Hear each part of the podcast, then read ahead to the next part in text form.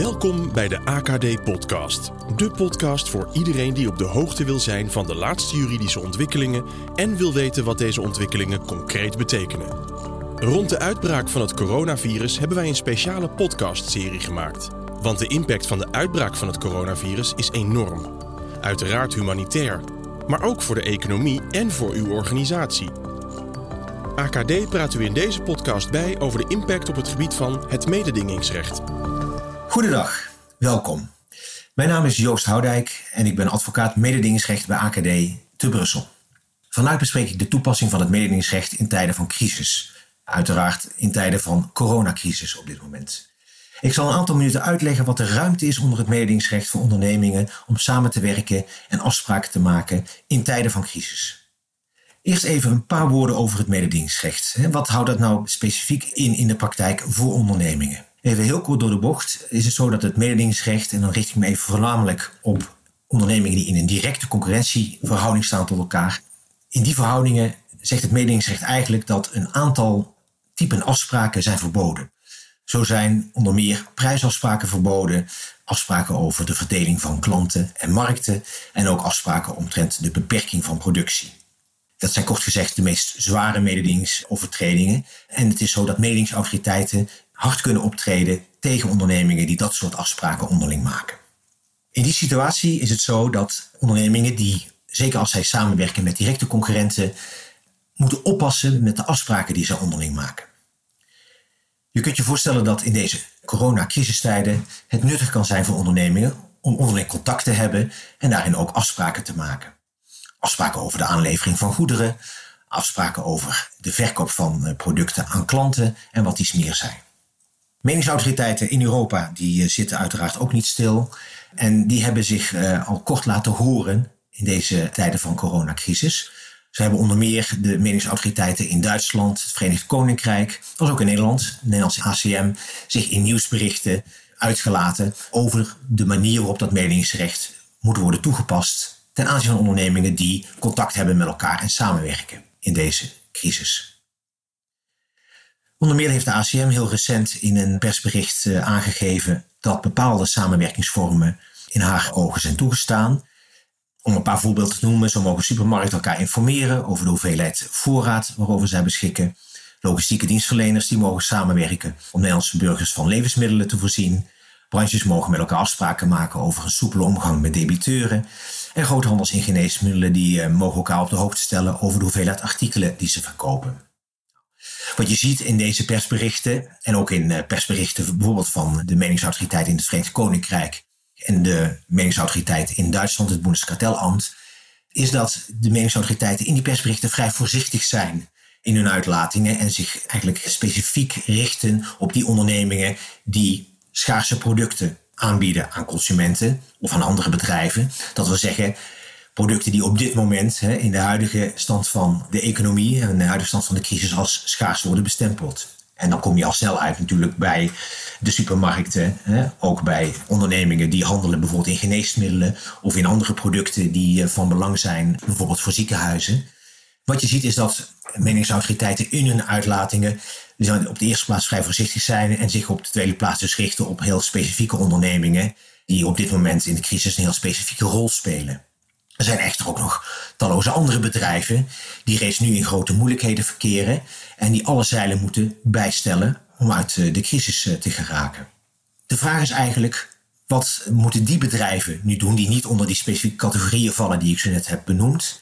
Wat moeten die nou eigenlijk doen, of wat kunnen die bedrijven doen om op dit moment de crisis het hoofd te bieden en op de wat langere termijn ook de crisis te overwinnen? Daarvoor hebben we op dit moment dus niet zoveel aan die mooie persberichten van de verschillende mededingingsautoriteiten. Maar moeten we kijken naar de mogelijkheden die het mededingingsrecht toch al biedt en bood. Ook in de situatie voor het uitbreken van de coronacrisis. Mijn indruk is dat ondernemingen nog te weinig zicht hebben en wellicht ook gebruik maken van de mogelijkheden die het mededingingsrecht sowieso al biedt aan ondernemingen om samen te werken. Binnen het meningsrecht, zoals gezegd, bestaat er dus een verbod op bepaalde vormen van samenwerking. Denk aan prijsafspraken, het verdelen van markten of klanten. Maar er zijn ook wel degelijk uitzonderingen op die verboden. Zoals we vaak in rechtsgebieden bestaat er geen verbod zonder ook een uitzondering. Het meningsrecht biedt bepaalde uitzonderingen. En op die uitzonderingen zou ik graag nader willen ingaan. Ik ga daarbij in op vier samenwerkingsvormen, waarvan het meningsrecht zegt, nou, onder omstandigheden kunnen bedrijven daar gewoon gebruik van maken. Het gaat dan om gezamenlijke productie, het gaat om gezamenlijke inkoop, het gaat om gezamenlijke distributie en het gaat om gezamenlijke verkoop. Om met gezamenlijke productie te beginnen. Ondernemingen hebben wel degelijk de mogelijkheid onder het mededingingsrecht, en daarmee maken ze dan gebruik van een bepaalde uitzondering, die ik verder niet nader zal uitwerken in deze podcast, om gezamenlijk eh, productiefaciliteiten in te zetten en eventueel op te zetten. Ondernemingen hebben de mogelijkheid om afspraken te maken tot het opzetten van een gemeenschappelijke onderneming, een joint venture. Ondernemingen kunnen ook andere samenwerkingsvormen kiezen, zoals bijvoorbeeld onderaannemingsovereenkomsten. Bij die gezamenlijke productie kunnen ondernemingen afspraken maken omtrent specialisatie. Dus dat de ene ondernemer zegt, nou, ik maak dit onderdeel van het eindproduct. En de andere ondernemer zegt, nou, dan maak ik het andere onderdeel van dat product. Dus er zijn genoeg mogelijkheden om die gezamenlijke productie nader in te vullen. Bedenk wel dat het meningsrecht daartoe mogelijkheden biedt, indien het gezamenlijke marktaandeel van de betrokken partijen niet te hoog is. Uh, het meningsrecht hanteert hier als vuistregel ongeveer 20%. De achterliggende aanname is dan, en dat snappen jullie, dat als het gezamenlijke marktaandeel van de betrokken ondernemingen maar laag genoeg is, dan heeft die onderlinge samenwerking niet al te veel effecten op het concurrentieproces, omdat de betrokken ondernemingen met elkaar een beperkte positie in de markt innemen, zou je kunnen zeggen. Waardoor de voordelen die uit die samenwerking voortvloeien uiteindelijk bij de consument terechtkomen. En de betrokken ondernemingen hun samenwerking ook niet misbruiken voor hun eigen gewin, om het zo maar te zeggen. Gezamenlijke productie, daar zijn dus zeker mogelijkheden toe. Dat geldt ook voor een andere samenwerkingsvorm die mogelijk de kosten van ondernemingen kan drukken. En dat is gezamenlijke inkoop. Ondernemingen hebben onder het mededingingsrecht ehm, ook de mogelijkheid om samen te werken en over te gaan tot gemeenschappelijke inkoop van producten. Daarbij moet je gewoon uh, denken aan uh, ondernemingen die wederom een aparte organisatie opzetten hè, om tot gezamenlijke inkoop over te gaan. Of dat niet doen, maar gewoon onderling afspraken maken omtrent die gezamenlijke inkoop. Vaak is het zo dat er, dat er in ieder geval wel een entiteit, al is het maar een bureautje, wordt opgezet om die gezamenlijke inkoop te coördineren en uit te voeren. Daar bestaan dus zeker mogelijkheden toe onder het mededingingsrecht. Ook hier geldt weer dat er een marktaandeeldrempel is, in dit geval van 15%.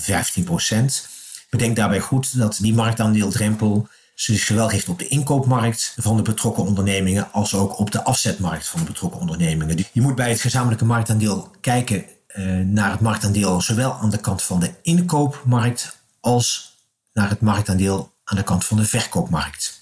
Dus houdt dus in concreto in dat de betrokken ondernemingen aan de inkoopzijde niet meer dan 15% gezamenlijk marktaandeel mogen hebben. Dus ook aan de verkoopkant moet het marktaandeel onder de 15% blijven. Wordt daaraan voldaan, dan zijn er volop mogelijkheden onder het mededingingsrecht om tot gezamenlijke inkoop over te gaan. Een derde variant die ik kort wil bespreken is gezamenlijke distributie. Nou, hiervoor geldt hetzelfde. Ook daar is uh, bundeling van krachten mogelijk. Je kunt je voorstellen dat uh, ondernemingen die producten produceren, die, producten uiteraard moeten transporteren naar hun afnemers. Dat kunnen uh, andere bedrijven zijn die die producten verder gebruiken in hun productieprocessen. Het kunnen bedrijven zijn die producten direct doorverkopen aan consumenten.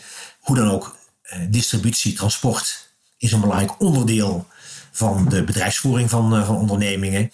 En het is mogelijk onder het mededingingsrecht om wat betreft dat transport samen te werken met andere ondernemingen. En ook op het vlak van verdere distributie samen te werken met andere ondernemingen. Ook hier weer, eh, mits het gezamenlijke marktaandeel onder de 15% blijft. Een laatste variant die ik kort wil aanstippen is gezamenlijke verkoop. je kunt je voorstellen dat gezamenlijke verkoop onder het mededingingsrecht wordt beschouwd als de meest gevoelige samenwerkingsvorm tussen ondernemingen omdat bij gezamenlijke verkoop het zo is dat ondernemingen gezamenlijk prijzen moeten vaststellen. Gezamenlijk vaststellen van prijzen is eigenlijk de meest gevoelige samenwerkingsvariant onder het mededingingsrecht. Toch biedt ook wat betreft gezamenlijke verkoop het mededingingsrecht mogelijkheden. Hier geldt ook weer een gezamenlijke marktaandeeldrempel van 15%. Partijen betrokken ondernemingen moeten onder die marktaandeeldrempel blijven om tot gezamenlijke verkoop te kunnen overgaan. Overigens is het dan zo dat gezamenlijke verkoop niet automatisch is toegestaan Partijen moeten dan ook nog kijken of die gezamenlijke verkoop daadwerkelijk efficiëntieverbeteringen teweeg brengt. Dus echt iets bijdraagt ook voor uiteindelijk voor de eindconsument om eh, toegestaan te zijn onder het mededingingsrecht. Eh, ik zal die nadere voorwaarden in deze podcast niet verder uitwerken. Maar ik zou ondernemers wel eh, op het hart willen drukken om voor ze overgaan tot gezamenlijke verkoop. Daar wel even heel scherp naar te kijken, zelf naar te kijken of te laten kijken door een deskundige. Ik rond af. Mijn boodschap van vandaag is eigenlijk de volgende. In deze tijden van coronacrisis en in de economische nasleep van de coronacrisis kan ik me goed voorstellen dat ondernemingen meer dan ooit behoefte hebben aan samenwerking, bijvoorbeeld om kosten te reduceren. Natuurlijk is het zo dat bij samenwerking tussen ondernemingen die bedrijven op moeten passen voor de toepassing van het mededingingsrecht. Dat is altijd zo geweest en dat zal ook altijd zo blijven. Mijn indruk is echter dat ondernemingen nog te weinig een indruk hebben en wellicht ook te weinig gebruik maken van de uitzonderingen die het meningsrecht ook biedt op de verboden die ik al eerder heb benoemd. De meningsautoriteiten hebben zich in deze crisisperiode al kort uitgelaten over de toepassing van het mededingingsrecht, maar ze zijn daarin eigenlijk heel erg voorzichtig. En ze richten zich dan met name op die ondernemingen die voorzien in producten die op dit moment als schaars worden bestempeld. Dus dan heb je het over ondernemingen die levensmiddelen en medische producten verkopen of distribueren.